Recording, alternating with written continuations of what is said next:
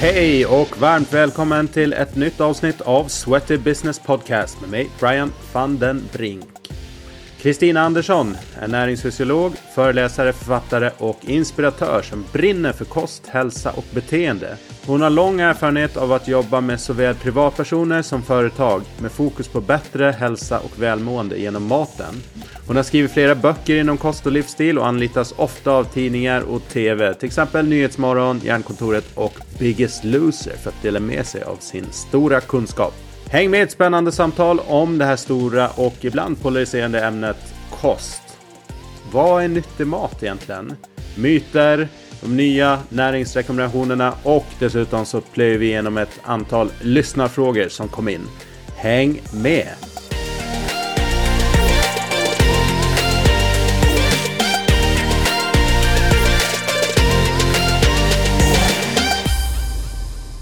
Ja, ja, ja, varmt välkomna till Sweaty Business-podden och varmt välkommen Kristina Andersson. Tack så hemskt mycket. Äntligen säger jag efter eh, snart sex års poddande att eh, få med dig som gäst här. Jag har ju haft dig i bakhuvudet att du ska eh, vara med för att prata om kost och för att jag tycker att du är duktig och, och vettig framförallt inom det här med kost som en en djungel. Eh, men av olika anledningar så har det liksom aldrig bokats upp. Men här sitter vi i alla ja, fall. Jätteroligt att vara här. Ja, som jag nämnde, kosten är ett ämne som är både minerat, det är diskuterat och det finns liksom lika mycket åsikter som det finns människor ungefär. Så jag tänkte att vi skulle bena lite grann i det här och sen tänkte jag också så här, de flesta lyssnarna av den här podden är ju verksamma eller aktiva inom träningsbranschen på olika sätt. Och enligt mig eh, som är väldigt insyltad i det så är liksom kostdelen den liksom lämnar lite på sidan av. Man kanske liksom erbjuder någon kostrådgivning eller i många fall liksom ingenting alls. Och jag tänker så här man pysslar och många utger sig för att jobba med liksom folkhälsa. Och absolut att man kanske har valt träningen som, som den tårtbiten som man jobbar med. Men det är ju så förknippat med, med kosten. Hela livet är ju såklart förknippat med, med kosten. Men för mig så blir det lite konstigt att man har valt en sån angränsande tårtbit att nej, där ska vi inte lyfta på locket. Mm. Men eh, vi eh, djupdyker lite senare. Först är lite ytligare här med några introfrågor för att gästerna ska lära känna dig lite grann och eh, ja, men vi kommer in i liksom poddstämningen helt enkelt. Yes. Eh, vad tränar du själv helst? Just nu är det mest eh, styrka och eh, löpning i kombination. Mm. Bra kombo. Vad läser du helst? Vad jag läser helst är en fråga. Vad läser du mest ja, Just nu är jag ju inne i en bokskrivarprocess så att det är väldigt mycket forskning. Eh, så just nu bara forskning. Men annars så, jag läser inte skönlitterärt och sånt utan Nej. då är det populärvetenskap, fakta och sånt. Dock inte givet inom kost utan mer beteende. Mm. Eh, beteendepsykologi eh, och så. Liksom. Entreprenörskap och sånt ja. tycker jag är jättehäftigt. Ja, ja men vad roligt. Mm. Eh, vad lyssnar du på helst? Ja, eh, bra fråga. Jag lyssnar en del på ljudböcker. Eh, mm. Mycket av det jag, som inte då är liksom, grund till arbetet, det tar jag ljudmässigt istället då. Ta en promenad och ljudbok. Mm. Ja men det är kanon. Jag, vi pratade här lite innan att mitt läsande har gått ner men däremot så tar jag in det i, i ljudform istället så att det blir en del ljudböcker. Men uh, det har varit en dipp där nu så jag får komma tillbaka till Storytel som jag har använt tidigare ja, mycket. Mm. Och man lär sig ju mer om man rör sig, sägs det. Ja, exakt. Jag kan känna igen det, jag kommer gående på vissa ställen mm. så kommer liksom kunskap jag lärde mig när jag precis gick där upp i huvudet. Så här. Det tycker ah, jag är lite ah, häftigt. Kopplat till en ja. fysisk plats. Ja. Eh, vad tittar du på helst? Ja, jag är ju kanske den eh, sista som kollar tablå-tv. Ja. Eh, kollar inte serier och har inte de här Nej. Netflix och HBO och sånt. Så, ja. ja, får man mycket tid till annat? Ja, man, mm. Har man ingen tv alls så får man mycket tid till annat. Ja. ja. Du, eh, om du, sociala medier då, vad, vad, vad följer du för någonting där? Vad intresserar dig där? Ja, men jag det är rätt så bredd såklart, försöka ha koll på egna branschen även om eh, det är roligare att bli inspirerad av annat. Jag ser ju mycket, eh, det är ju Instagram jag TikTok har jag inte alls. Men eh, eh, jag ser ju lite det som om man bläddrar i en typ veckotidning eller någonting. Mm. Så jag vill ha den här sköna mixen. Så. Yes. Ja, så eh, där är också. Det är lite av varje. Lite av varje, lite eh, inredning, lite eh, mycket av de här hållbarhets remake människor. Jag tycker det är jättehärligt mm. och viktigt. Och så såklart från branschen. Ja. Alright, uh, det här har jag alltid med mig i träningsväskan eller liksom, ja, någon pryl som kanske Uh, nej, jag är nej. sån här som har valt närmsta gymmet så ja. att jag kan gå träningskläder dit och hem så att det mm. är väl skorna. Det är skorna. Vattenflaska som är där. Yes. Mm. Uh, om du skulle få vara en person då för ett helt år och få en inblick i den personens värld från vilken tidsålder som helst har du någon sån som du tänker, ja ah, det här vore intressant? Oj. Nej, faktiskt inte. Um, kan man vända det här positivt som att uh, jag lever så mycket i nuet ja. så att jag fokuserar på det som är här och nu och uh, drömmer mig inte så mycket bort på det sättet. Um, tänker att det är också en coping-strategi. Att man liksom var här där du kan påverka. Yes. Uh, så. Så att nej, jag har ingen, ingen sån. Nej, det är bra. Du, eh, det här behöver träning slash hälsobranschen tänka omkring och det finns säkert en massa saker men det är något som bubblar upp det att mm, det här känns inte rätt. Oj, men precis som du säger, det är ju jättemycket. Så att det som bubblar upp är ju dels eh, sluta göra det så komplicerat. Eh, å ena sidan och å andra sidan men verkligen förstå att det här är, ehm, det här är också på riktigt. Eh, att det finns en massa på riktigt fakta. Mm. att eh, ta det på allvar också. Eh, med att inte bara ha det som hobby utan att det faktiskt är, alltså, utbilda sig till exempel, ha en ordentlig grund så att inte bara, så att inte liksom, branschen blir för mycket av att jag tycker att det är lite härligt att träna och mm. därför, eh, eller självupplevda. Det är inget fel i det i form av, det är en fantastisk inspiration. Men eh, vi behöver ta liksom, det på allvar. Eh, vikten av både kost och träning och livsstil i stort sett, liksom, i stort skulle jag säga. Mm. Vad viktigt det är för vår hälsa, välmående och därmed kan vi ta det till folkhälsa och nationalekonomi och allt. Mm. Nej, jag, jag håller med där och det är ju lite branschens förbannelse men också framgång att det finns så många som är passionerade på olika sätt. Det kan vara kost, det kan vara träning, allt möjligt. Men att många har det liksom som en, en passion vid sidan av. Man jobbar som gruppträningsinstruktör kanske en gång i veckan en timme för att man tycker att det, det är roligt vilket är superbra. Men då kanske man också inte bryr sig så dunder mycket om vad man får betalt för att det här är någonting som man lite gör av ren, ren passion. Så att då kanske inte heller finns incitament att gräva lite djupare och utbilda sig. Och sen rent krast PT-utbildningar och lite andra utbildningar inom branschen det är inte världens liksom djupaste utbildning även om man täcker stora områden. Man går ju ganska ytligt på, på alla områden egentligen. Absolut. Men uh, tror du att det kommer att förändras? Eller hur, hur ser du? Oj, eh, nej jag tror, eller, ja, jag tror kanske att vi har hållit på för länge mm. på det här sättet för att tro att det ska liksom revolutionera på något sätt. För att egentligen det är inte bara vår bransch, det finns ju överallt. Ja. Liksom. Eh, så att det, det, har jag väl inte någon sån här att det skulle kunna förändras. Men, jag, ja, men lite respekten för eh, liksom, allvaret i det ändå. Mm.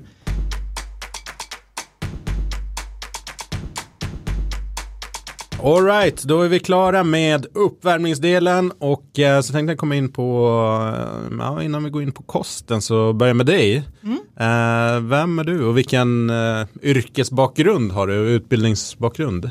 Jag är ju näringsfysiolog, man ska mm. inte presentera sig på det viset Nej. vet jag, men eh, eftersom jag lever i mitt eget varumärke så är det liksom så. Ja. Eh, och eh, det i sig handlar ju om att jag har en grund, en eh, magisterexamen i näringslära.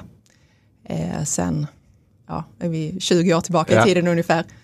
Ehm, Och det börjar ju i ett intresse, fascination över kroppen egentligen i grunden. Ja. Liksom, vi kan gå tillbaka till att det var liksom kemi och biologi när jag gick gymnasiet som var jättehäftigt i kombination med att jag hade ett tillval som heter friskvård.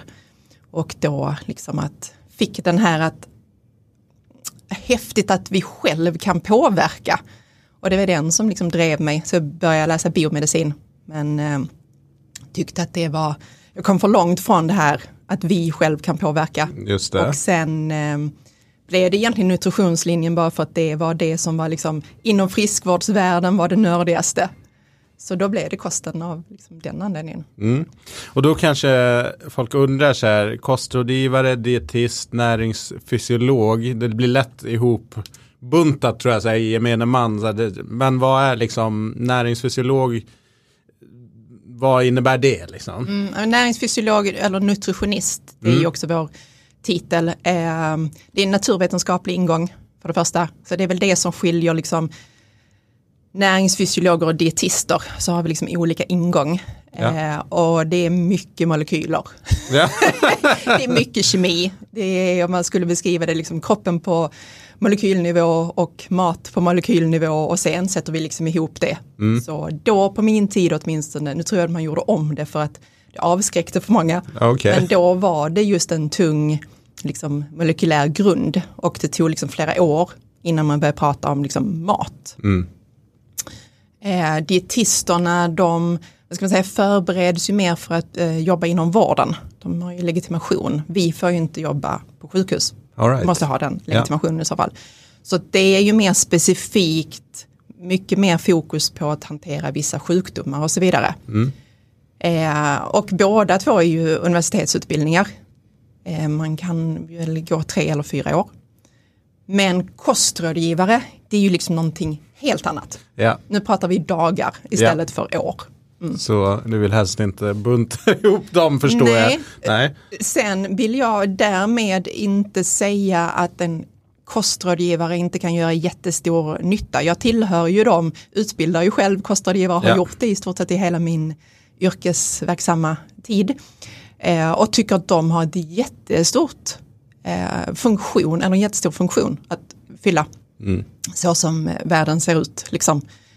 Ehm, Så att vi ska inte förringa det, Nej. men däremot kanske det finns liksom gränser på vad man kan hjälpa till med. Yes. Och, eh, och det är kanske där också, på tal om vad vi pratade om innan då, liksom att det handlar om kanske att inse sina begränsningar. Att det här kan jag prata om och det här kan jag för det här har jag kunskap kring. Mm. Men att kunna lämna till att det här är mer avancerat. För att stötta någon till att äta mer hälsosamt eller om vi pratar tränings, liksom att inspirera någon till att vara fysiskt aktiv. Det behöver du ju inte gå fyra år på universitetet för att kunna göra. Nej, exakt. Ja men bra, då har vi klargjort det där lite grann. Alright, men du, ehm, in i ämnet då, kost. Ehm, jag upplever det som ett, eh, och det gör det säkert du också, du får svara för dig själv, men att det är ett område som är, det är ganska minerat, det blir snabbt olika läger, det är liksom köttätare, det är vegan, vegetarian och alla liksom dimensioner däremellan och, och, och, och en massa olika läger och det finns lika mycket experter och åsikter som, som det finns människor nästan. Alltså hur upplever du det här från, från ditt perspektiv? Ja, precis samma sak. det är enormt, eh, som sagt, minerat och konstigt nog då åsiktsdrivet. Väldigt så. Eh, vilket är, av anledningen till att det är konstigt, det är ju för att det handlar ju inte om åsikter. Eh, jag får ju ofta den frågan, man formulerar det så, att vad tycker du om? Och där tänker jag alltid så här, men det här handlar ju inte om vad jag tycker, utan det handlar ju om, från min sida så handlar det ju om att jag läser forskning och så vill jag förmedla det. Det är liksom det jag har byggt hela min, i det jag gör så att säga. Jag använder min eh, grundutbildning, vilket innebär att jag kan sätta mig in i de här områdena, jag kan läsa forskning, jag kan förstå det och sen kan jag ta den här kunskapen och så vill jag sprida ut den till folk. Jag vill liksom visa så här, titta vad häftigt, vi kan påverka hur vi mår, eh, hälsa, funktion och sånt. Eh, och så vill man liksom inspiration och informationsspridning på det sättet. Eh, och där då att det hamnar i att liksom, ja, men det, är ingen, det, är ingen, det är ingen åsikt. Utan det finns faktiskt fakta. Men, ehm, för jag kan tänka mig så här, jag, jag, inte, alltså jag har ju inte utbildat mig inom det här på det sättet som, som du har gjort så att vi kan inte ens jämföra vår kunskap.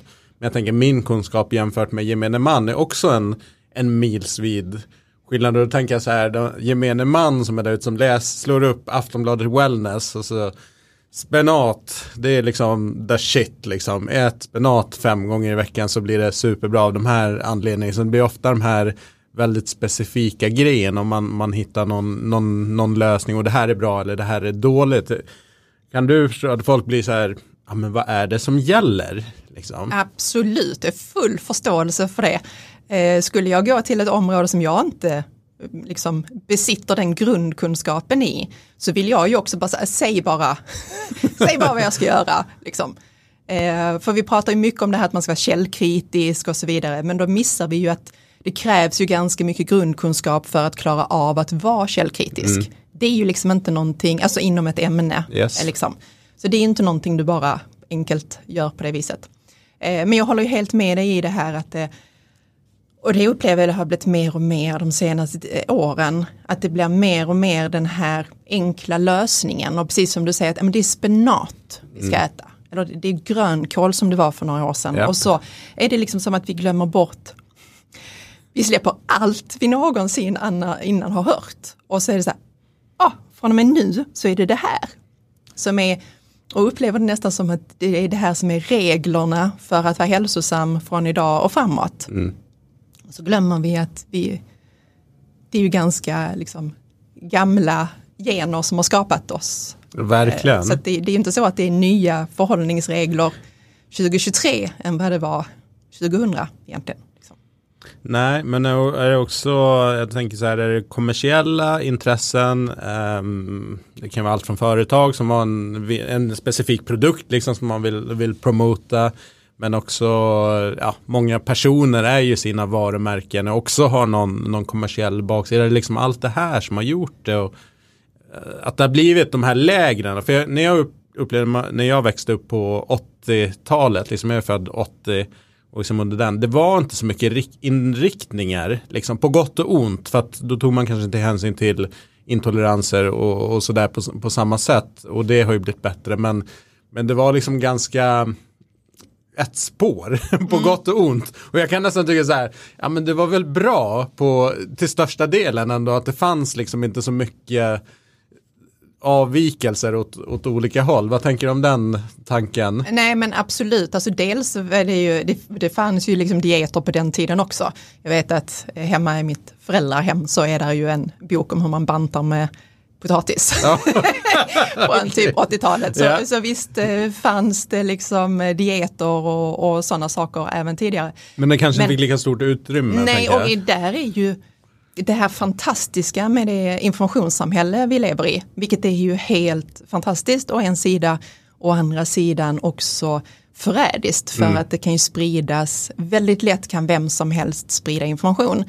Och det, det, här låter alltid så bittert när man lyfter det, men att det blir, det handlar inte om den som kan mest eh, idag, utan mm. det handlar om vem är bäst på att få information spridd. Ja. Vem har störst konto på sociala medier och får störst spridning. Och, ja, och där, där vet vi ju att det är de här skrämmas, det, mm. det är liksom samma de här liksom, som att få eh, hamna på, hamna på löpet. Det är liksom, skrämsel är ju något sånt som flörtar med våra ja. grundläggande strukturer i hjärnan. Liksom.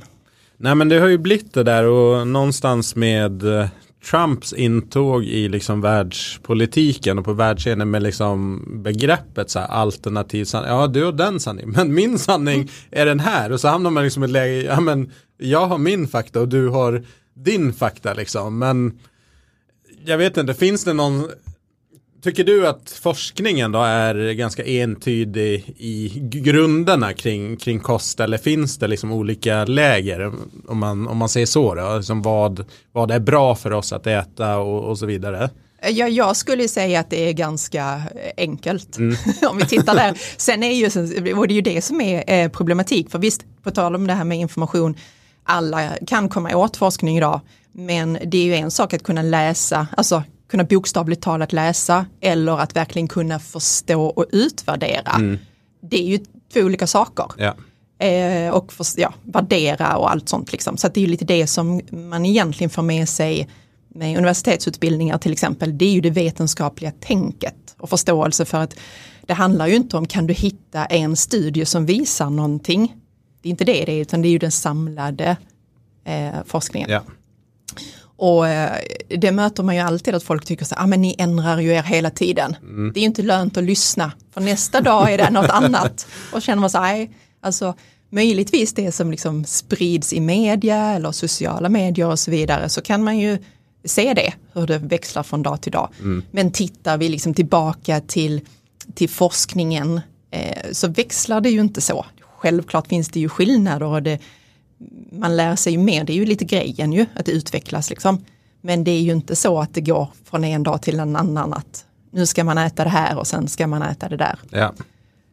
Ja, nej men eh, intressant. Man kan ju bli ganska liksom rådvill och sådär. Så bara, men vad är det här liksom eh, som dyker upp och ibland skrattar. Jag brukar faktiskt ha lite rutin och fota löpsedeln, nu inte Aftonbladet Expressen liksom direkt, direkt till källan och liksom sådär och de spetsar till det och sen har de också ekonomiska incitament att pusha vissa saker. Men ibland när man läser eh, löpsedlarna så blir alltså man blir full i skratt liksom mm. hur det är vinklat och så här. Och man, jag tycker man lurar folk ganska ofta också i, in i vissa spår så där så jag tänker att media också har en väldigt stor påverkan här tillsammans såklart med de sociala medierna men, men jag tror ändå de här löpsedlarna började också innan de sociala medierna dunkade igång med, med den floran. Ja, ja.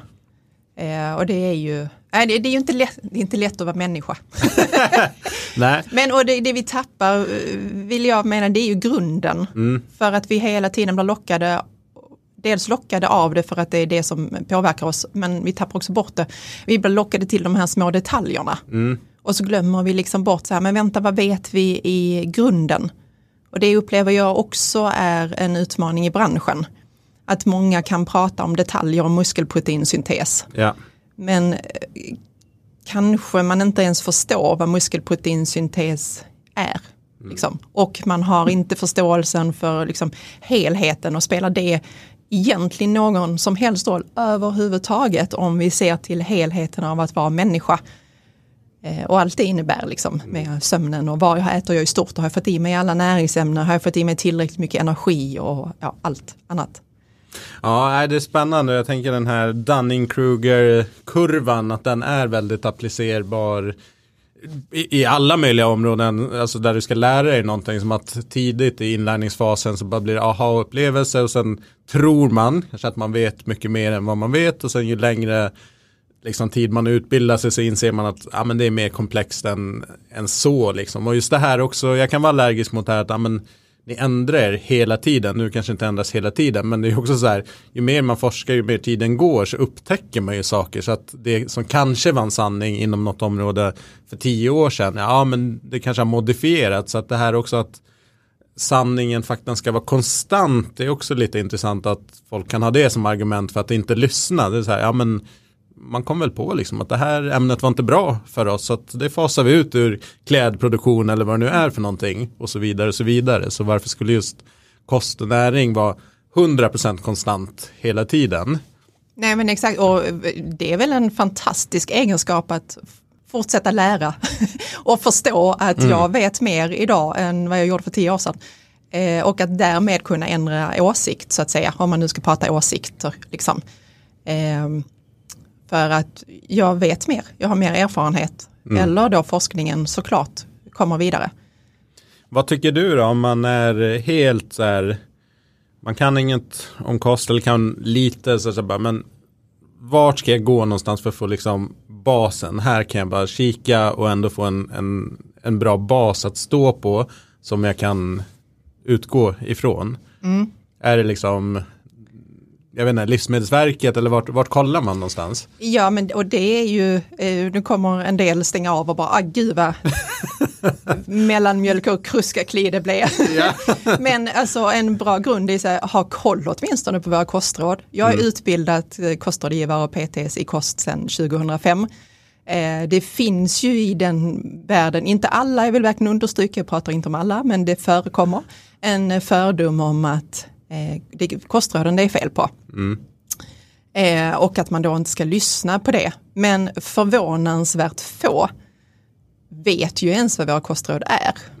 Eh, så man kritiserar någonting som man inte faktiskt har koll på. Att man tror att så här, men de förespråkar ju bara en massa socker och grejer. Nej, det gör de inte. Nej. Och sen när man väl börjar titta på dem så är de flesta så här, ja det var ju inte så.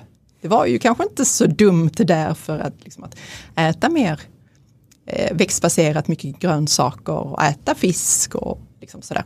Så att, ja men ha koll på dem åtminstone. Ja. Eh, och sen är ju mitt råd att utbilda, alltså vill du hålla på med det här, utbilda dig i ordentligt i grunden. Så att du har grunden, för grunden är ju också en, en plattform, om man säger en utgångspunkt för att kunna vara källkritisk. För har du inte den här grundförståelsen så är det ju jättesvårt att förhålla sig till ny information. Ehm, sen är det där, det jag får ofta frågan, och framförallt om man har påpekat att så här, men, eh, hoppa, tro inte på allt, liksom. ja, men vem ska man eh, tro på, vad är liksom bra grunder för fakta, eh, källkritik och så vidare. Och det är ju så svårt också nu för tiden. Man vill ju säga så här, titta på att personen i fråga har en vettig utbildning. Ja. Men det är ju tyvärr inte ett vaccin mot att sprida, sprida dumheter. Eh, men, men eh, skapar ju förutsättningar åtminstone för att det är vettigt. Och sen titta, liksom, för precis som det gäller inom forskningen, att det handlar om den samlade kunskapen, så skulle jag väl säga att det är lite, lite samma sak. Man kan titta på, men vad säger flera som då har en vettig bakgrund? Vad säger de? Kan jag se en samlad bild här? Eh, ja, Mm. Ja men det är bra. Och det är någon fråga som brukar komma upp och ehm, i olika sammanhang och det kan ju komma till mig i och med att jag har jobbat som PT och grupptränare och sådär och så sitter, är man i något socialt sammanhang så bara, ah, men jag vill äta, vad är nyttig mat? Frågar Mm. Vad är ditt svar på den? Ja, det finns ju, om vi ska vara ordentliga här så finns det ju ingen sån definition. Nej. Men eh, i min bok, så att säga, min, eh, mitt sätt att se på det, så är det ju maten som skapar förutsättningar för att vi ska få i oss det vi behöver. Alltså att det som innehåller näringsämnen som vi behöver. Ehm, Och skapar förutsättningar för att vi ska få i oss lagom mycket både näring och energi. Sen och det är också en anledning till att det här området blir så eh, svårt. Det är ju att allt beror på. Ja, Och det handlar om att sätta det i perspektiv. Alltså om vi bara säger, är det här bra? Så är det ju omöjligt att svara på förrän vi har satt eh, det i perspektiv. Ja, men vad var syftet? Vem är det du pratar om som ska äta det här? Ja. Vad ska det fylla för funktion? Spenat, om du, vi tar upp den igen, liksom, så, ja, men spenat är ju liksom näringsrikt, men du kan ju inte bara äta spenat. Eh, det är inte speciellt smart att äta mycket spenat varje dag heller, för det kan också ställa till problem. Så att det handlar ju hela tiden om vad ska du ha det till, just det. sätta det i rätt perspektiv. Men eh, i grunden som jag ser det, och jag är ju den här förespråkaren för eh, rena råvaror. Att vi liksom tillbaka till basic där, att inte att, för det här är också något intressant som många vill ta och vrida. Ehm, jag skrev en bok för många år sedan som heter Eat Clean och det var liksom innan den stora egentligen Eat Clean trenden kom. Mm, du låg lite före där. Ja, jag, jag, lite, jag var lite, ja. Nej men och det handlade ju egentligen, alltså för mig handlar det om så här rena råvaror. Men du hör ju själv, vad säljer bäst? En bok som heter Rena råvaror eller Eat Clean? Det är ganska enkelt. Ja. Eh, och då blev jag intervjuad i eh, SVT i ett sammanhang och då ville de prata om det här, folk som äter enligt olika sätt. Och då vände de på det som man ofta, eller många gör. Och så presenterade de mig som att jag undviker tillsatser. Mhm. ja. Och det blev så här, fast nej men det är ju inte alls det det här handlar Nej. om. Det handlar om att jag ser till att mestadels välja, och det är det jag förespråkar, att se till att det framförallt är rena råvaror. det handlar inte om att vi, och det är väl hela kanske sättet vi pratar om kost idag, att vi hänger upp oss på detaljerna som skulle vara farliga och giftiga. Ja. Men det är inte det som är problemet. Det är att vi får liksom för lite bra, inte för mycket dåligt egentligen. Nej. Så fokus liksom så här, men rena råvaror och varierat. Så vi, då skapar vi förutsättningar för att vi får i oss de där näringsämnena vi behöver. Aptitregleringen funkar mer som den ska. Ja. Vi överäter inte eh, de här normala smakerna på samma sätt som den eh, hårt processade maten Nej. med liksom extrema smakkombinationer och sånt. Mm, vettigt, jag brukar också tipsa folk, alltså att laga sin egen mat och försöka ha rå, alltså rena råvaror så man ser vad det är för någonting. Det är liksom de jag brukar säga men det blir ju för många så här ludd, det blir luddigt konstigt nog. Så här. Exakt. Bara, mm, ja. Men vad ska jag äta? Exakt, Exakt. ja, äta ja, men, som och, du tycker är gott. Liksom. Och den blev ju väldigt mycket då sån här ha ha ha, du menar att man ska liksom inte äta Alltså då eat clean, då blev det liksom motsatsen ja. som att det skulle vara smutsigt. Mm. Och det, det är ju inte det är inte det det handlar om utan Nej. det kommer ju från liksom råvaror och, och, bara där egentligen, nu blir vi lite filosofiska, men det kan ju vara intressant att bara reflektera över hur långt det har gått om vi inte förstår vad råvara är. Mm. Alltså om det är någonting som är svårt att ja, ja, förstå, då, då, är det kanske ett bevis för hur långt bort från Morot, äpple, ja, men, men vad är då en råvara? Ja, men det är sånt som har vuxit och levt i naturen och är självklart liksom bearbetat till att vi kan äta det kanske. Mm. Så här, men... Ja, spännande.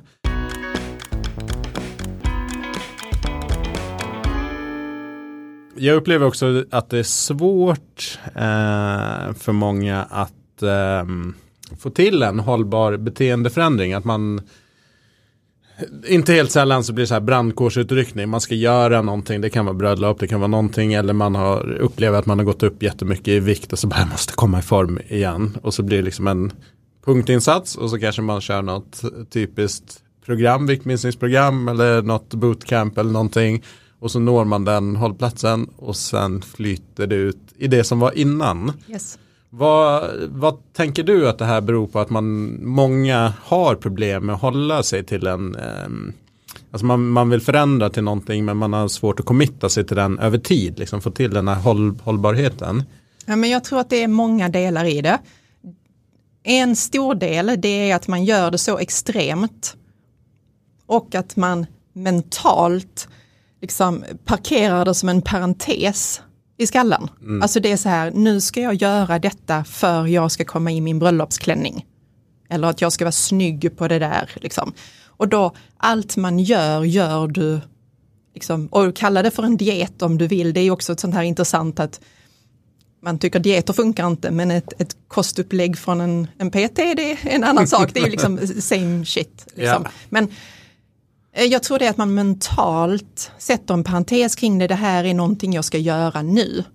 Istället för att säga att nej, men ska du ha hållbara effekter av det, då är det ju någonting du ska få in i, din, i ditt liv.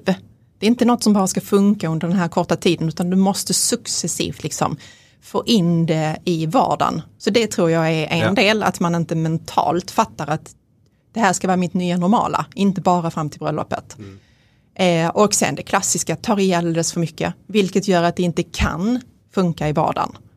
Att man liksom tror att, vad heter det, no pain, no gain. liksom att så men hälsosam mat, det måste väl vara lite äckligt. Ja. Alltså, det måste väl vara de här råa äggen mm. och gröna drinkarna som man knappt kan svälja. Ja.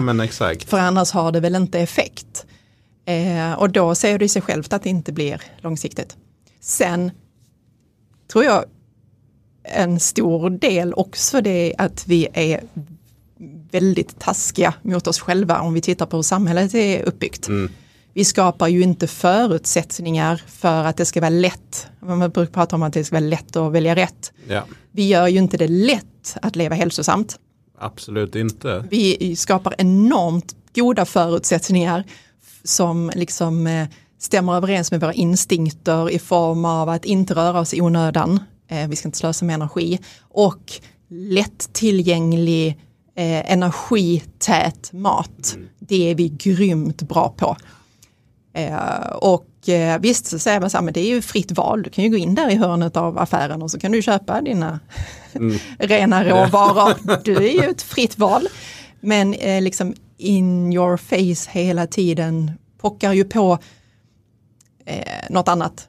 Och i det får vi ju förstå att det som styr, inte minst då våra matvanor och vårt driv att äta, ätande är ju inte en rationell eh, handling.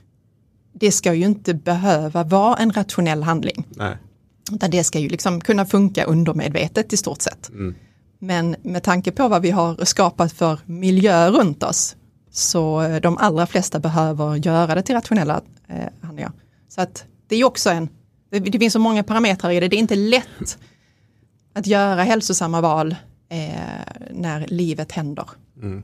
Nej, det är det inte. Jag tänker ofta när man är, jag har rest rätt mycket i jobbet tidigare eh, och gör inte det längre, tack och lov. Eh, men just så här, mm, ja men vi har centralstationen här nära oss, liksom gå in på en pressbyrå där liksom och ofta så kommer ju folk in där i all hast, de kanske låg på energi innan. Och det är ju alltså det är ju tufft liksom. Om du har sockerdipp liksom energidipp och du, du vill ha någonting snabbt som, och då du står där och väljer mellan kanske det lilla utbudet av vad det nu kan vara för någonting som ändå är okej okay mellanmål eller liksom de här andra grejerna som är liksom 95% av utbudet. Att sannolikheten blir ju ganska stor att, att det slinker med någonting annat som kanske inte är det absolut bästa eh, för en där. Det kommer ge en snabb belöning men snabbt också klinga av och man blir hungrig snabbt igen och sen kommer nästa liksom mm. socker behovstopp liksom. Ja och där är det ju hela det här resonemanget det är ju din rationella, ja. ditt rationella tänkande som fattar. Ja.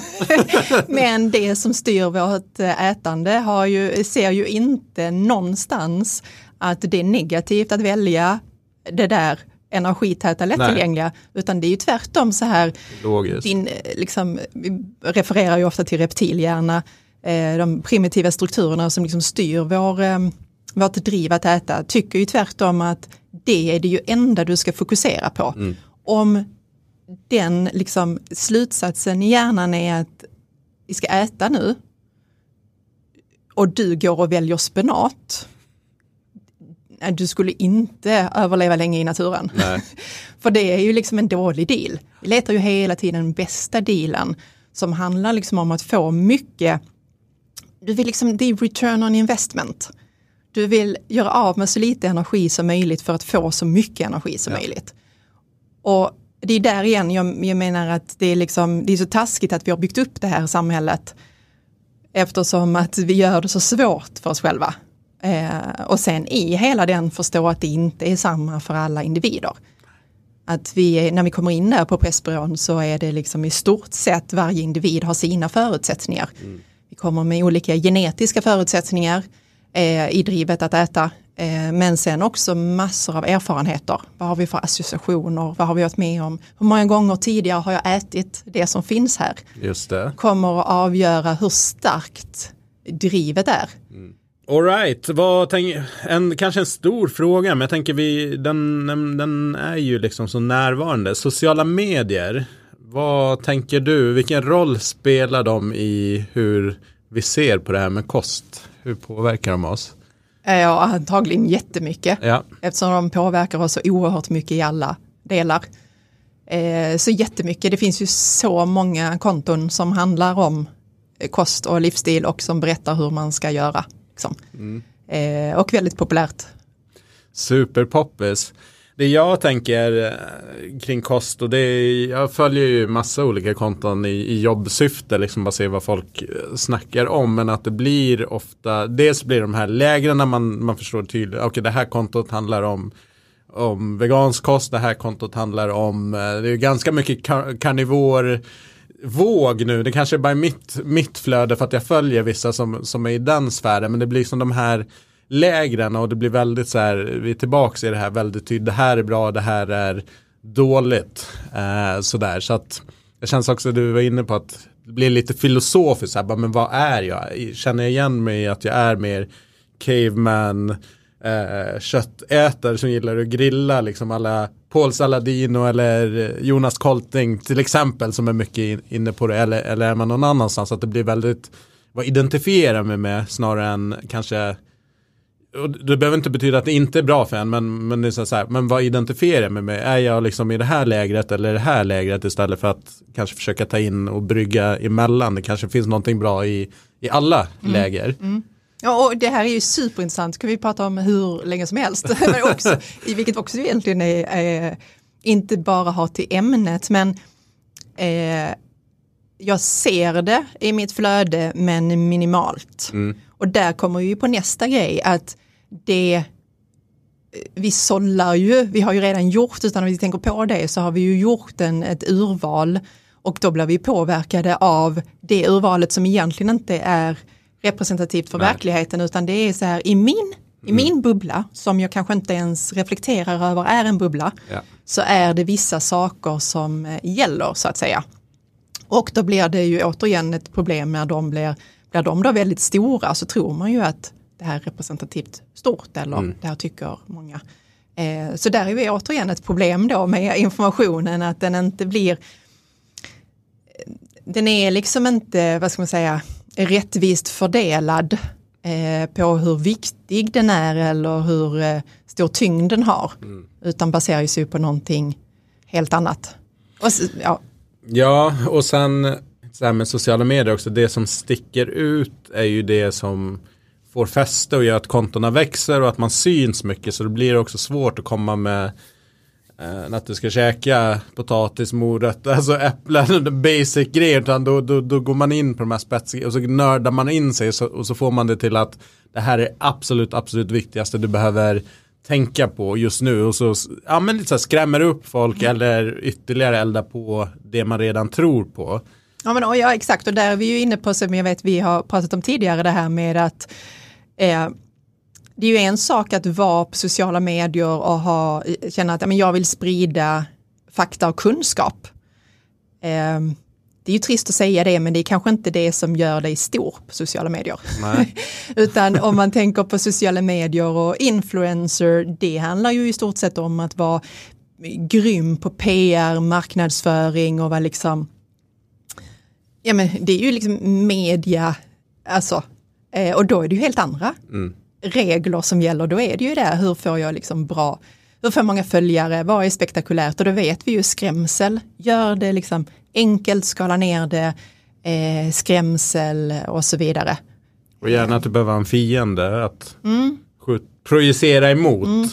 Lite så här politiken att okej okay, stor makten kontra utmanaren eller liksom Ja men ja. exakt och där är ju liksom, det är väl också en sån här klassisk, man enas kring att man kan vara mot någonting ja. och då kan vi samsas och så behöver vi inte, kanske inte prata så mycket om huruvida vi är överens men vi är åtminstone överens om att vi inte tycker om mm. det där. Eh, och överhuvudtaget också blivit en sån här trend ju att vi det verkar vara också alltså vara emot etablissemanget. Eh, vilket återigen ett, jag vet inte om det kommer under psykologi eller eh, filosofi, men att fascinationen att om någon säger att det här är bara jag som vet mm. och jag vet, alla forskarna har fel, ja. men jag vet. Och hur, vilken kraft det kan få om man så här backar tillbaka, så här, men vad är sannolikheten? Att en människa, den här samlade forskningen, och då pratar vi om människor som, ni kan ju bara gå tillbaka och titta på vem vem var det som sen blev forskare? Om ni går tillbaka till hur de var i skolan och så vidare. Ja. Var det de mest lättlurade och så vidare? Utan de har plöjt ner oerhört mycket energi och tid och varje dag på att forska inom något område.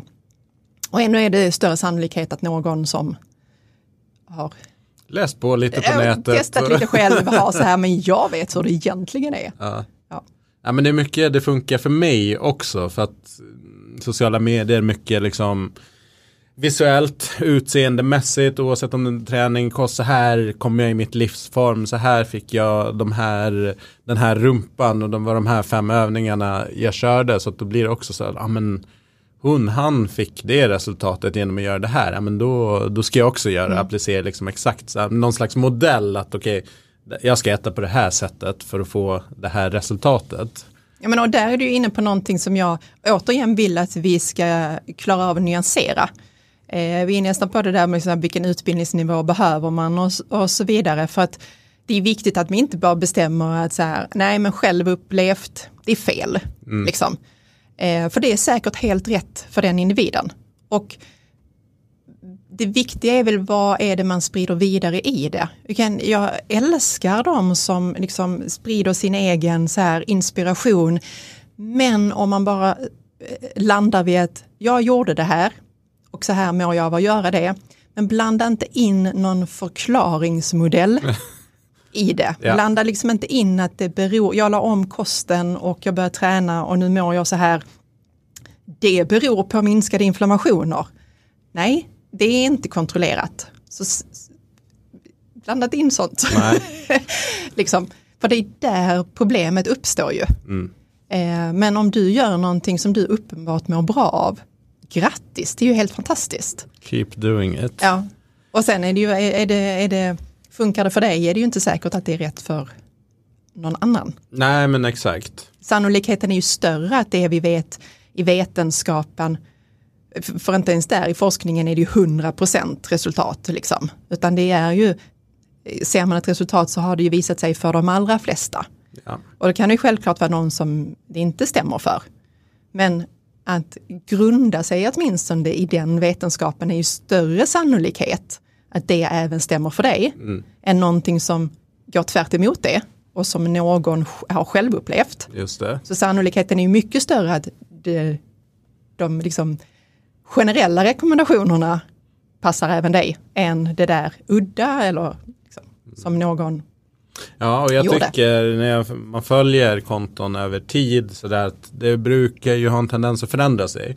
Också, jag har ett, ett carnivore-konto, Paul Saladino som jag, som jag nämnde som liksom gick från 100% köttätare till, ja helt plötsligt var det okej okay med, med frukt och så började han omvärdera lite andra grejer så att det där också att då hänga på att det är lite testverkstad för dem också. Det som kanske de just där och då tycker är världens bästa grej. Kanske när de har testat det två år så kanske, kanske inte var så roligt att bara äta köttstek varje dag. Jag vet inte. Nej.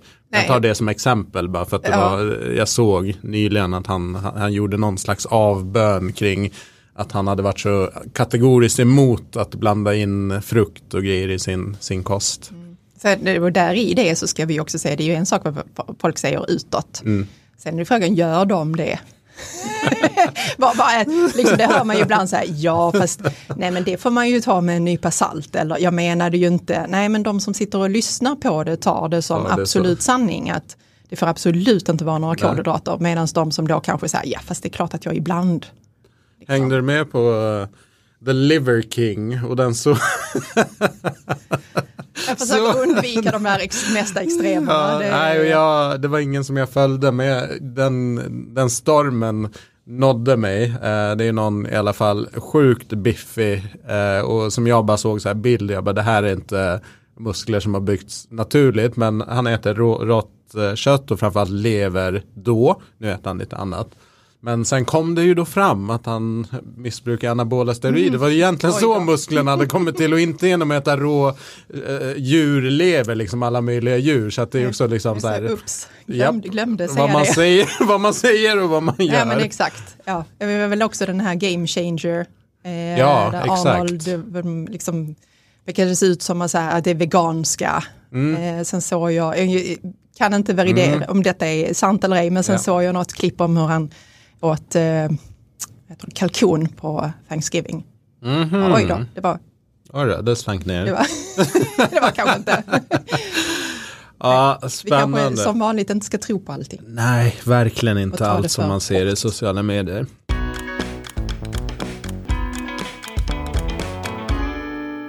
Men nu, jag är lite också så här, för, ur träningsbranschens eh, synpunkt eller liksom synvinkel som jag sagt in, i introt. Jag tycker att det här lämnas lite för mycket åt slumpen. Eh, sådär. Och Att, vad, vad tänker du att branschen skulle kunna göra bättre? Vi pratar gym, vi tar PTs, människor som jobbar med människor i syfte liksom att hjälpa dem med deras hälsa och oftast med den fysiska delen men som kanske inte har kosten. Vad tänker du att steg ett kan vara för att höja nivån och faktiskt hjälpa folk på ett bättre sätt? Ja, med, jag hade tänkt säga risk för att vara partisk, ja. men utbildning. Ja.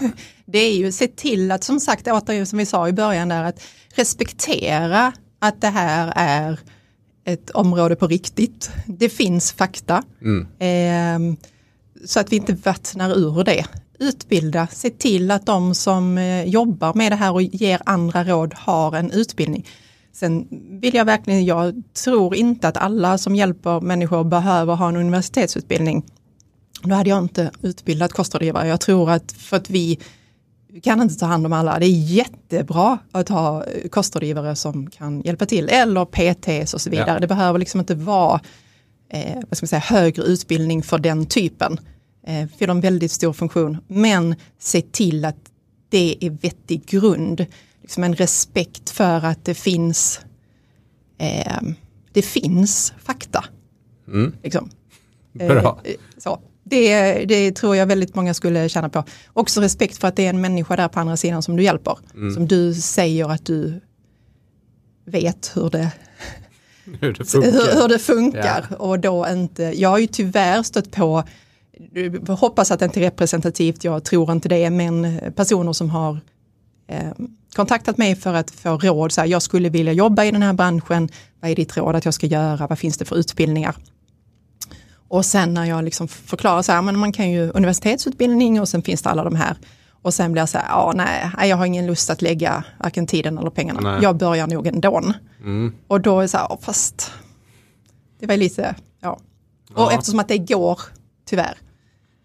Ja, verkligen. Och jag upplever, jag har ju dels drivit, varit med och drivit en, en PT-utbildningsskola och ser liksom hur den marknaden har utvecklat sig där liksom bulken av de som utbildas går mer eller mindre online baserade sen kanske med väldigt lite praktiska delar. Just att många som, som, som vill utbilda sig men de vill inte vara på plats fysiskt så mycket utan man vill kunna vara flexibel så det fattar jag eh, men samtidigt ett praktiskt yrke i PT fallet är definitivt en stor del teori men sen leveransen är ju, du måste träna på det. Eh, att man då tänker att man ska sitta och kolla på olika videos hur man ska göra. Mm, det, jag, jag, tror inte det, men det verkar som gå mer det håll. Man vill ha kortare och man vill liksom inte vara så praktisk i det på plats. Och jag ser liksom utmaningen i det här att det blir men vad är det för kunskap som kommer? Ja visst, det finns en viss kunskap som du kan ta till dig genom att läsa och liksom förstå. Men sen i alla fall i PT-yrket så är det ju en stor del som är praktisk och du ska jobba med människor och hur reagerar de på att du säger det, hur reagerar de på den här intensiteten och hur hanterar du då beroende på vad som händer. Om man inte har den, så här, ja men jag kan flyga ett flygplan i teorin men sätt mig i cockpiten så kommer det inte bli svinbra, det tror jag inte. Med, nej, nej. nej och, och, det är ju som sagt, jag ser ju alltid de här utbildningarna, det är ju en grund. Eh, du är liksom inte du, du är liksom inte färdig så att säga utan det är en grund för att kunna ta det vidare mm. eh, sen ju. Eh, ja, fast att se till att man har det, återigen det är liksom respekten för kunskapen. Yes. Eh, det är grunden i allt. Utan kunskap så herregud, vad har vi kvar då? Då mm. blir det ju bara åsikter och tyckanden i slutändan. Exakt. Um, du, jag tänkte um, börja liksom ticka mot slutet här, men innan sommaren så släpptes de uh, uppdaterade nordiska näringsrekommendationerna. Jag tänkte um, de förordar ju bland annat då en lite mer växtbaserad kosthållning, mer fisk, mindre kött uh, på tallriken. Vad är dina liksom, generella reaktioner på de här råden eller rekommendationerna som kom? Eh, generellt, jag har full respekt för de som gör det här. Mm. Det är inte vad en del tror att någon som sitter på Livsmedelsverket i Uppsala och liksom sätter fingret i luften och hittar på någonting. Ja. Utan det här är ju, liksom, det här är ju gediget arbete. Ja. Eh, så. Och eh, full respekt för att de som gör det kan sin sak. Mm. Det har blivit jättemycket debatt och sånt efteråt. Och där fascineras jag ju av att folk liksom tror att det är typ någon ny lag. Mm. Eller någon ny regel för som om någon sätter sig, ja men nu har vi bestämt att alla som äter mer än 350 gram kött per dag, de ska få cancer. Ja. Det är ju liksom inte det det här handlar om. Utan det handlar ju om att titta på, okej okay, vad vet vi, vad kan vi dra för slutsatser kring mat baserat på det forskningsläget som finns idag. Och för de som då vill göra det bästa man kan göra, vad kan vi ge för råd till dem? Sen om man själv inte vill göra det, det, det är bara rekommendationer. Ja, mm. för det är ju många eh, hyllat och hyllats och sen har du kritiska lägren, liksom, inte minst kött köttlägret som var otroligt skarpt. Det var 350 gram kött liksom, per vecka. Bara, vad, vad är det? Liksom. Eh, så att jag, jag har bara roat, tittat på det utifrån sådär. Men någon kritik som har kommit är så här att ja, blandar man in lite för mycket politik här, att det, nu kommer liksom miljöaspekten in väldigt tydligt. Den kanske har varit med tidigare men, men folk upplever som att, att det är väldigt tydligt uttalat. Och det är så här, är det här en kompromiss att vi ska äta sämre inom citattecken för att gynna miljön? Finns det någonting i det som du ser? Jag tror man har gjort ett jättemisstag i att koppla in klimatet så här tidigt. Mm. Jag, eh, och missförstå mig nu inte, jag tycker att vi ska tänka på hur vi äter även ur ett klimatperspektiv. Men näringsrekommendationer i min värld borde vara baserat på näring och hälsa. Ja. Och så att man började med det. Eh, för att sen i nästa steg, när man tittar på kostråd, ja. att man där tar in så här, okej, okay, och då kanske man har vissa råd som är, vad behöver vi ur ett klimatperspektiv? Man kanske skulle ha haft rekommendationer framtagna på samma sätt men tydligt uppdelade. Just det. Nu ska jag ge dem att om man tittar i de rekommendationerna så är det uppdelat Alltså där står tydligt ur ett klimatperspektiv, ur ett hälsoperspektiv. Men genom att ha dem i samma rekommendationer så ger vi ju öppet liksom, mål, hade jag tänkt att säga, för alla kritiker. Ja. För då kan ju alla som kritiserar, alltså det, hela den här diskussionen hade ju inte kunnat komma om man inte hade öppnat upp för den. Så jag tror att man har gjort ett misstag i att inte att ta hänsyn till klimatet, för det tycker jag att vi ska göra i våra, som sagt, kostråd. Mm. Men jag tror man gör ett misstag att inte liksom renodla. Eh, för jag tänker att det är väl så man alltid måste man göra. Man måste veta så här, men ur den aspekten är det det här vi behöver. Ja. Ur den aspekten är det det här vi behöver och så vidare. Och sen lägger man allt på bordet och säger, okej, okay, hur får vi de här att att matcha. Mm. Var hittar vi en, liksom en, en kompromiss? Yes. För nu är det ju lätt att tolka det som att det är kompromiss från början. Mm. Så det, det tror jag var ett misstag. Yes, Nej, men eh, det, det, blir spännande för, för det kommer ju kostråd Exakt. uppe på det här va? Yes. När dyker de upp? Ja, under nästa år har jag ja. för mig att det ska bli. För det, för det är ju det som också är, näringsrekommendationer är ju egentligen inte ut till liksom gemene man. Nej. De är ju väldigt nördiga i form av liksom mikrogram och milligram vad gäller vitaminer och mineraler, eh, energiprocent. Eh, sen nu första gången så pratar man om eh, livsmedelsgrupper och faktiska livsmedel. Det har man inte ens gjort tidigare.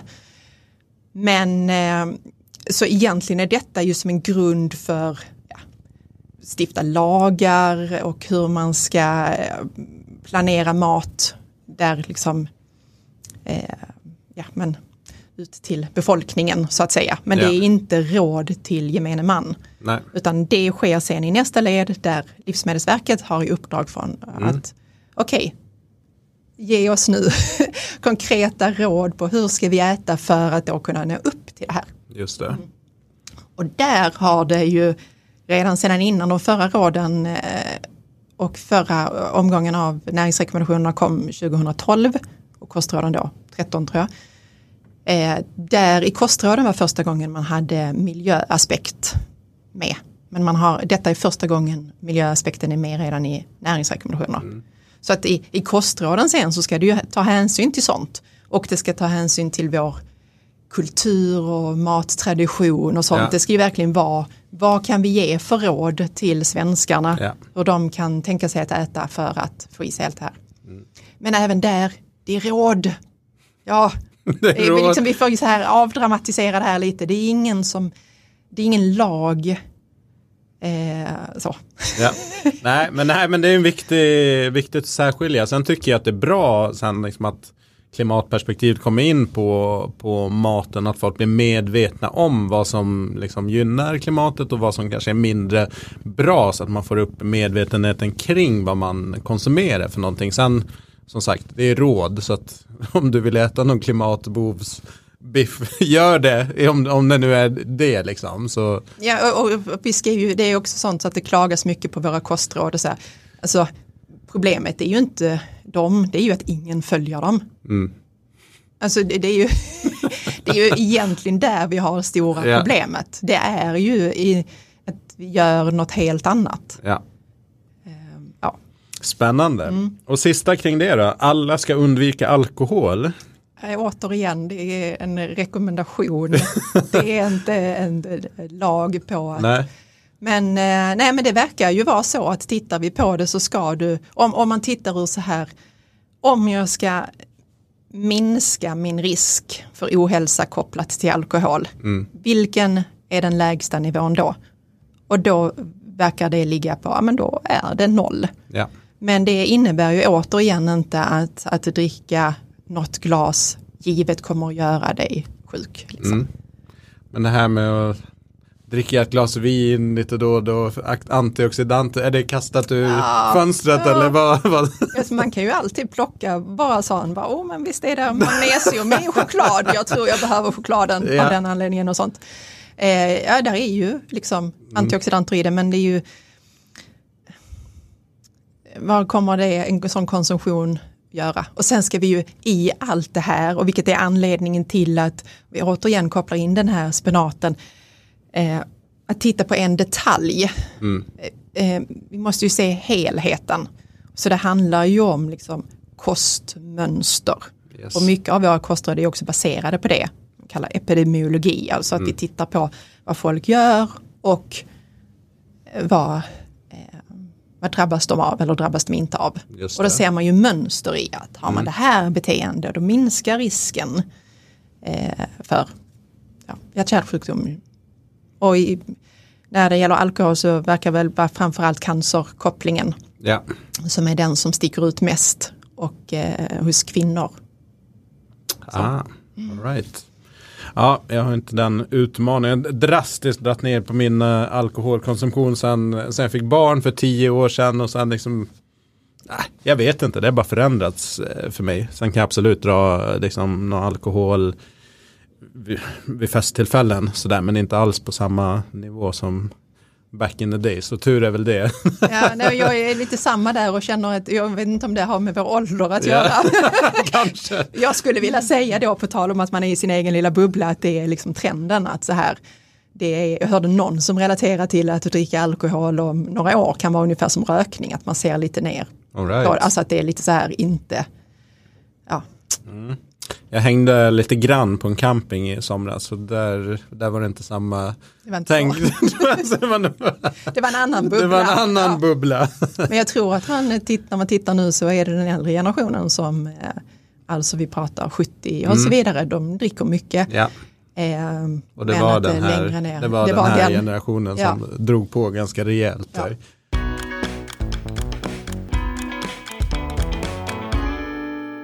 Vi ska avsluta med några korta lyssnarfrågor. Vi hinner inte gå på djupet på dem, men jag tänkte jag brukar fråga följarna på Instagram lite så här inför olika gästavsnitt eh, och kost. Då blir det ofta mycket frågor. Eh, jag plockade ut dem. Eh, några frågor var samma egentligen. Eh, så att, men första då. Eh, att ha för lite fett på kroppen, är det negativt? Yes, det är det korta Mm. svaret. För mycket och för lite fett är ett problem.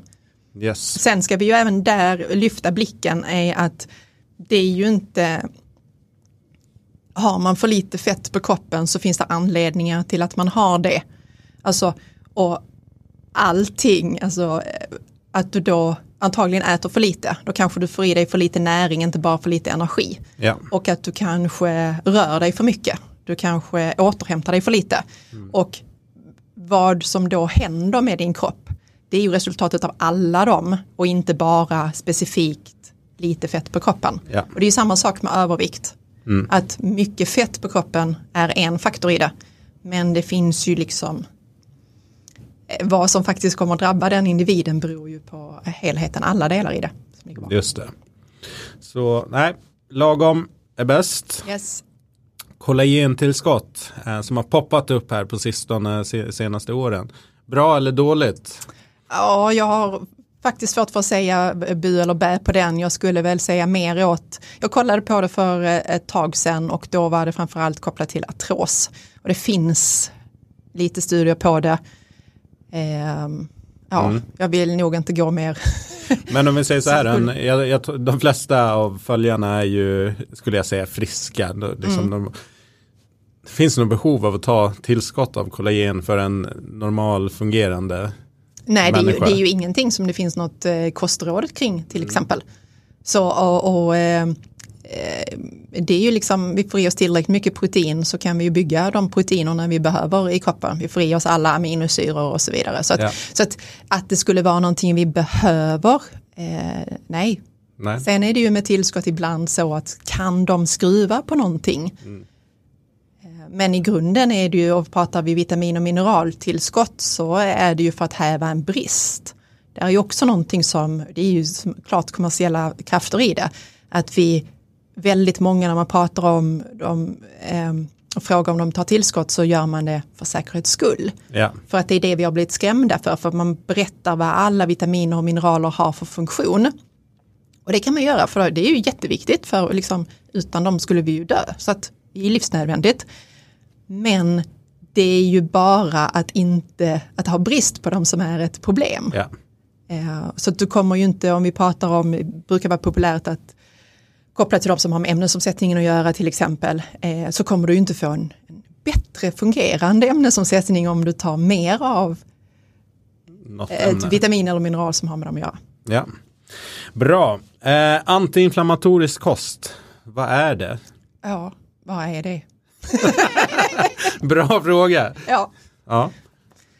Det, det finns inget. det finns inget sånt ordentligt begrepp i, eh, liksom. Men eh, det som är återigen en stor faktor brukar vara när vi pratar inflammationer, eh, då är det mängden fett på kroppen. Mycket fett på kroppen är kopplat till då den här låggradiga inflammationen. Så alla kostinsatser eller livsstilsinsatser då som gör att det minsk, man får mindre fett på kroppen kommer minska inflammationer i kroppen. Ja. Sen finns det mycket som tyder på att, hör och häpna, våra basic råd i form av att äta mycket grönsaker, äta, få i sig fet fisk, äta enligt liksom, ja, rena råvaror och så vidare, skapar förutsättningar för att eh, då inte ha så mycket inflammation och äta mycket av den ultraprocessade, supersmakliga, högbelönande maten som vi dessutom då ofta överäter.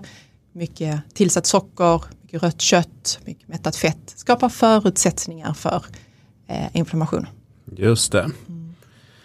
Eh, det pratas mycket om antinutrienter. Behöver man ta hänsyn till detta eller eh, överdrivet? Eh, korta svaret nej, inte hos friska individer. Det är ju någonting man, antinutrienter kan ju, alltså de hämmar ju upptaget av näringsämnen, kan då man säger, komplexbinda, binda till sig mineraler till exempel, vilket gör att vi då inte får upp dem. Och det är ju någonting du jobbar med om du har en person som har brist av någonting. Då är det ju viktigt att man tittar på att det man faktiskt får i sig via maten, Ja. eh, att jag faktiskt får i mig det. Japp. Men eh, vi ska äta varierat blandkost och då är det inte ett problem för gemene man. Bra. Um, ätfönster, är det bra? Jag vet Eh, att du oj. älskar de här frågorna Ja, där det är så här, nej, men är alltså- det bra eller dåligt? Men här, den här frågan är ju rätt eh, intressant för att ja, vi ska ha ett ätfönster. Ja. För att alternativet är ju att vi äter konstant dygnet runt. Ja, Det ska vi inte göra. nej. Det finns det liksom, och det har man ju vetat länge. Vi ska äta på den ljusa tiden på dygnet, vi ska inte äta på den mörka tiden på dygnet. För då ska vi sova. Ja. Så att det, det är liksom att äta på natten blir dubbelfel för det är, innebär ju inte bara att vi äter utan också att vi inte sover. Mm. Så att så långt inga konstigheter. Eh, sen eh, diskuteras det ju och forskas på så här, finns det något optimalt i det här? Ska det vara 12 timmar, ska det vara 10 timmar eh, och så vidare. Och var det landar idag är ju att eh, det verkar vara ändå sekundärt. Alltså det är fortfarande det är basic mm. som är det viktiga. Eh, sen verkar det vara smart att begränsa det. Eh, åtminstone för personer som har metabola eh, sjukdomar, alltså om man har typ 2 diabetes till exempel. Och så. Det ska inte, och nu är vi återigen det där att det är viktigt att kolla på vem pratar vi till. Yep. Pratar vi till unga, vältränade, friska individer, eh, då är det liksom alla de andra reglerna som är, är viktigare. Se till att du får i dig tillräckligt mycket energi. Se till att du får i dig all näring. Tränar du sent på kvällen, ja, men då ska du äta efter att du har tränat, för det är det bästa ur dem. Ja. Men om man är relativt stillasittande och man är stilla på kvällen, ja, men vi behöver inte äta så sent på kvällen. Men sätt det i rätt perspektiv. Mm, viktigt. Och sista då, hur håller man vikten efter en viktnedgång?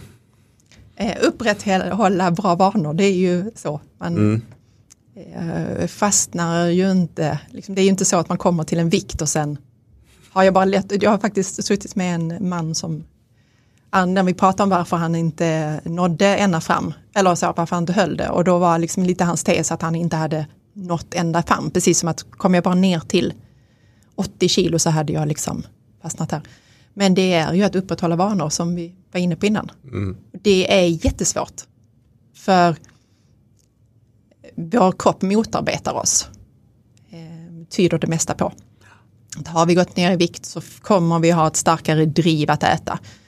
Eh, framförallt då till viss mat. Sånt. Lite beroende på hur man gör det, man verkar kunna mixtra i det och skapa förutsättningar åt rätt håll. Men eh, ja, Mm, ja men spännande, det är ju en utmaning som säkert många som har gjort den här typen av viktresor. Att man, eh, ja, det är svårt att hålla det av olika orsaker. Liksom. Kanske som du var inne på tidigare, att man har gjort en för, för stark satsning. Liksom. Man har inskränkt för mycket och något som man inte kan hålla över tid. Eh. Ja, exakt, att det är snarare, det är, inte, det är inte vikten man inte klarar av att hålla, det är liksom vanorna man inte ja. klarar av att hålla. Det är ju en aspekt i det. Ehm, och återigen, jag vill slå ett slag för det igen, att det är, eh, inte handlar så mycket om bara individen. Det är långt ifrån det här bara att bestämma sig och mm. det är bara att göra. För vi har liksom inte ett samhälle som skapar förutsättningar för oss riktigt. Nej. Bra, med det sätter vi punkt. Det finns massor att snacka om kring kost eh, såklart. Det vet ju inte minst du som lever det här hela tiden. Um, jag tänkte så här, du är ju aktuell eh, nu när det här släpps så är det några månader till. Men du håller på, du har lämnat in manus här uh, på första versionen. Vad skriver du om? Vad kommer boken handla om? Ja, det kanske har uh, märkts i det här samtalet också att det handlar om drivet att äta. Ja. Mm, vi har aptitreglering, eh, både då rent fy, eh, liksom, eh, fysiologiskt, vad är det som driver oss? Men att det är ju så oerhört mycket mer komplext. Det mm. är ju liksom beteende och hur vi blir matade i vårt samhälle och så. Eh, ja, jag kände att det behövs något annat i motsats till det här eh, där vi bara fokuserar på vikt mm. och inte förstår de bakomliggande eh, faktorerna. Liksom. Spännande och den kommer ut någonstans? Ja, vid årsskiftet. Ja. Bra julklapp kanske ja, om inte annat. Eh, sen eh, vi pratade utbildning. Du håller utbildningar. På vilket sätt kan man ta del av dina utbildningar? Vart kan ja, man kolla mer? Man ska kolla in. Man kan gå via, då, om vi pratar sociala medier, ja. kristinaandersson.se heter jag där. Eh, och hitta vidare. Jag gör utbildningar tillsammans med Improve Educations. Ja. Och där vi har en grundutbildning först och främst som är just den här grunden. Och den är digital och on demand så man går den när man vill. Och sen för de som vill jobba och hjälpa andra så har byggt på med ett steg två. Och totalen där gör dig till kostrådgivare. Mm. För där har vi precis det du var inne på. Man måste, det är inte bara få kunskapen, det är sen måste man lära sig att använda kunskapen. Yes. Så där jobbar vi väldigt mycket praktiskt med, med case, man jobbar med faktiska klienter och så tittar vi på, för annars blir det lätt att man sätter ihop en hypotetiskt så här, men Japp. tänk om personen är så här och så här och så här. Så tittar vi istället på faktiska, men här har vi en individ.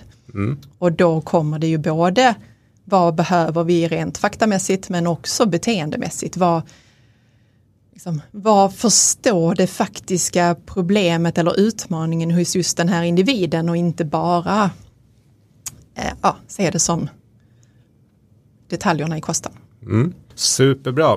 Jag länkar in till eh, dina, eller ja, ditt Instagramkonto så kan man surfa sig in vidare där. Eh, jag skulle vilja tacka dig så mycket för att du ställde upp och var med i Sweaty Business-podden. Men tack så mycket för att jag fick lov att vara med. Det jättehärligt. Härligt, jag tror att det kommer bli uppskattat. Eh, kommentera gärna, eh, hör av er eh, med tankar och eh, åsikter från det vi diskuterar. Det är alltid kul med folks input på det som sägs.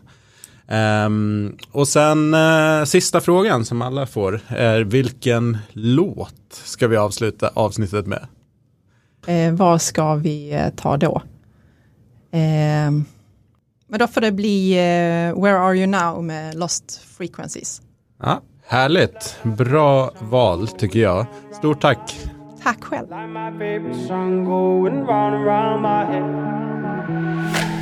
Five days on the freeway, riding shotgun with you. Two hearts in the fast lane, we had big dreams in blue. Playing sweet child of mine, and I still feel that line. Where are you now? Where are you now?